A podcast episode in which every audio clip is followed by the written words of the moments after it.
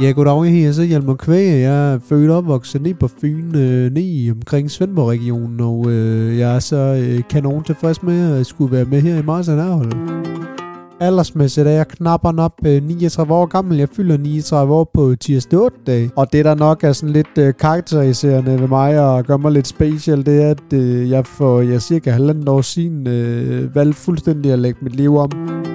Og det var så i, i det henseende, at jeg valgte at, øh, at, at gå fuldstændig øh, bunderøven på den, fordi jeg faktisk så bunderøven og synes han var en kanon fed fyr, og, og det kunne jeg så godt tænke mig at prøve at efterleve på en eller anden øh, vis, ikke? og så øh, kunne jeg godt lige tænke mig at tage den sådan lidt mere uge i, i, i det ekstreme, og, og der vælger jeg så ikke at blive bundemand, men der vælger jeg så at blive, øh, ja, hvad kan man kalde det, levemand med stort el. Øh, jeg har valgt at, at, at fuldstændig sælge mit, øh, sælge mit hjem, og, og bor i dag i en hjemmelavet tipi, lav ud af af, af ja, hvad jeg nu har kunne finde ud i naturen, om det så være ja, noget bra, eller noget, noget fuglepis, eller om det så har været noget, nogle døde grævlinger, dem har jeg så bare øh, fuldstændig mor sammen, og, og arkitekttegnet er det jo så ikke jo, men altså der er jeg så forbygget en tipi af, og det ligger jeg så og snok bobler i om natten, og det er der kan nogen øh, bære over at have fundet en levevej, øh, som jeg bare har manglet og savnet i hele mit liv.